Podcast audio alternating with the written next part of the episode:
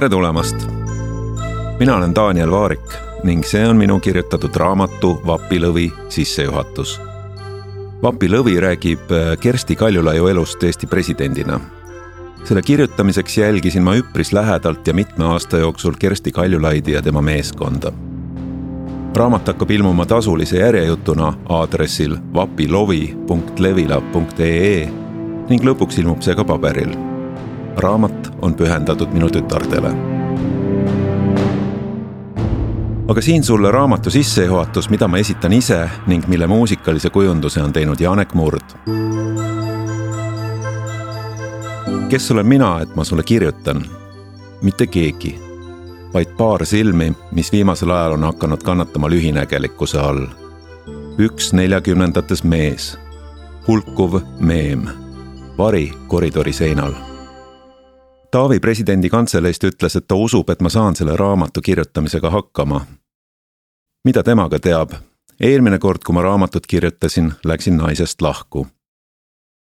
Eneselegi ootamatult ütlesin ühel esmaspäeval neile jah, ma kirjutan. raha ma selle eest ei saa, kuid ma saan kaasas käia. teekond algab, on aasta kaks tuhat seitseteist ja nüüd olen ma elevil võib-olla aitab kirjutamisele kaasa, et ma tunnen presidenti varasemast ajast. meie tutvus Kerstiga algas kuusteist aastat tagasi üle Atlandi lendava Boeingu turistiklassis. seal keskmises reas, kus kummaltki poolt ei saanud WC-sse minna ilma magajaid äratamata. me olime mõlemad nõunikud. mina olin Siim Kallase nõunik, Kersti oli Mart Laari nõunik ning me sõitsime koju Maailmapanga või IMF-i iga-aastaselt koosolekult Washingtonis. lennuk lendas tähtede all, kuid meist madalamal pilvedes sähvisid välgud ning turbulents raputas kõvasti.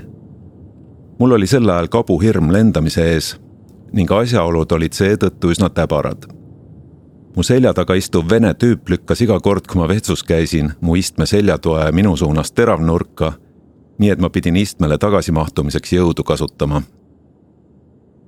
rippudes sedasi seal maa ja taeva vahel, ühes käes maitsetu võileivanäss ja teises klaas viskiga, mis toonase arvamuse järgi pidi lennuhirmu tuimestama, kuid tänase arusaama järgi hoopis võimendas seda, imetlesin enda vasakul käel istuvat Kerstit, kes kogu selle aja midagi rääkis. kuidas saab inimesel kõige kohta arvamus olla? miks temal lennuhirmu pole? ainsaks pidepunktiks sellel põrgulikul reisil oligi Kersti lakkamatu jutt. kui jõudsime kas Reykjaviki, Oslosse, Stockholmi, Frankfurti või Helsingisse, kuhu iganes see lennuk sel hetkel maandus, olid meist saanud mingis mõttes saatusekaaslased. See ühine reis tekitas meis tunde, et me teame üksteist piisavalt hästi, et edaspidi kuskil kohtudes pikemalt juttu rääkima jääda. olles nõunikud olnud teadsime Kerstiga mõlemad, et riigijuhid on eelkõige inimesed. et mõned neist juhivad riiki mingit sorti ideede suunas, kuid mõned kaotavad sideme teiste inimestega, lähevad ennast täis ja muutuvad ümbritsevatele inimestele koormaks. igaüks muutub võimul olles. Me teadsime ka, et tähtsais ameteis on inimesi, kes istuvad hilja ööni üleval, et teha oma tööd hästi, kuid on ka neid, kes teevad kõike vaid näiliselt sel samal IMF-i või Maailmapanga kohtumisel Washingtonis toimus vastuvõtt, kus ühe väiksema riigi rahandusminister veetis aega sellega, et liikus mööda saali ringi, lüües jalaga enda ees juustutükki. Juust veeres tähtsate tegelaste jalgade vahelt läbi, olgu nende omanikeks miljardär Soros või Venemaa rahandusminister. väiksema riigi rahandusminister oli oma tegevusega ametis umbes viisteist minutit ning ta oli selles väga osav jälgisime seda naeru kinni pidades rõdult koos Eesti Panga tolleaegse direktori Valdur Laidiga. kuid jah, eelkõige oleme kõik inimesed ning mõnel meist on antud ajaloos olla õiges kohas ja rääkida välja oma riigile või kogu maailmale mingi tähtis kokkulepe, kuid mõni jääbki lihtsalt juustu veeretama. selle kõige üle on hea nõunikuna naerda, kuid millised oleksime neis rasketes ametites ise Kersti pakkumine raamat kirjutada andis mulle võimaluse vähemalt tema puhul see teada saada. igatahes, kui jah-sõna öeldud, hakkasin raamatu jaoks salvestama.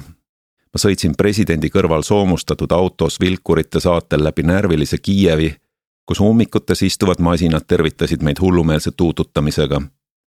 ma surusin Vatikanis presidendi kõrval paavsti kätt ning jõin ennast mingitel segastel asjaoludel saatkondade šampanjast vinti. eks see selgub. ma lendasin Ukraina ärimehe lennukiga, lennuhirmu enam ei olnud. ma jooksin presidendiga koos nii Harku metsas kui ka Torino pargis. Ma tiirutasin autodega maakondades ja loovisin vastuvõttudel pokaal Eesti riigi ametliku valge veiniga näpus. kuulasin noori ja vanu ja lõputult kõnesid ma istusin presidendi lossis heledal diivanil, jõin teed ja sõin marju, mida seal alati laual oli ja kuulasin, mida president arvab presidendiks olemisest. mis seal salata, ma salvestasin kogu aeg. ma salvestasin tihtipeale isegi salaja. Palun vabandust, kuid ise nad kutsusid mind seda raamatut kirjutama.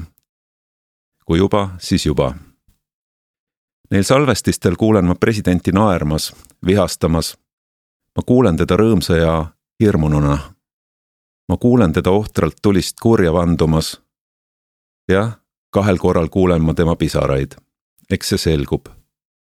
ma kuulen tema nõunikke ja abilisi, ma kuulen maju, lennukeid, autosid, elu ja netitrolle. Sageli läbi sahinate ja kahinate, sest salvestav iPhone on kuskil pintsaku taskus ma ka ööbisin presidendi kantseleis ning kohtusin vaimude ja päris inimestega, kes seal ringi liiguvad korraks tundus, et ma nägin sealsamas kõrval asuva lossi ees hõõguvaid jalajälgi aastast tuhat üheksasada nelikümmend. kui ma selle raamatu kirjutamise ülesande vastu võtsin, siis ma mõtlesin, et mine tea, võib-olla tuleb selle presidendi ajal sõda. Seda ei juhtunud, vähemalt mitte tavalises mõttes, vähemalt mitte meil, Eestis ning ma mäletan mitut korda, kus infole lähedal olevate inimeste silmis oli hirm Eestis võib tulla sõda. Neid ridu kirjutades ei ole see hirm kadunud. Venemaa on Ukrainale kallale tunginud ning ka selles raamatus tuleb Ukrainast päris palju juttu. kuid Kersti ametiajal tuli lihtsalt aeg, mida ajaloos mäletatakse sõprade ja naabrite kaotamise ajana. Võib-olla isegi kurja ajana, sest nagu kogu maailm, oli Eesti vihane. kolmkümmend aastat tagasi oli kõik ju nii selge enamik neist tahtvat ühte asja, kõigil kõrus Heinz Valgu rõkatus üle saja tuhande pealise inimhulga. ükskord me võidame niikuinii. kes luges Rahva Häält, kes Eesti Ekspressi? loomeinimesed tundusid nii targad, ametnikud nägid palehigis vaeva, et liita, lõimida, integreerida, viia meid Euroopasse ja NATO-sse.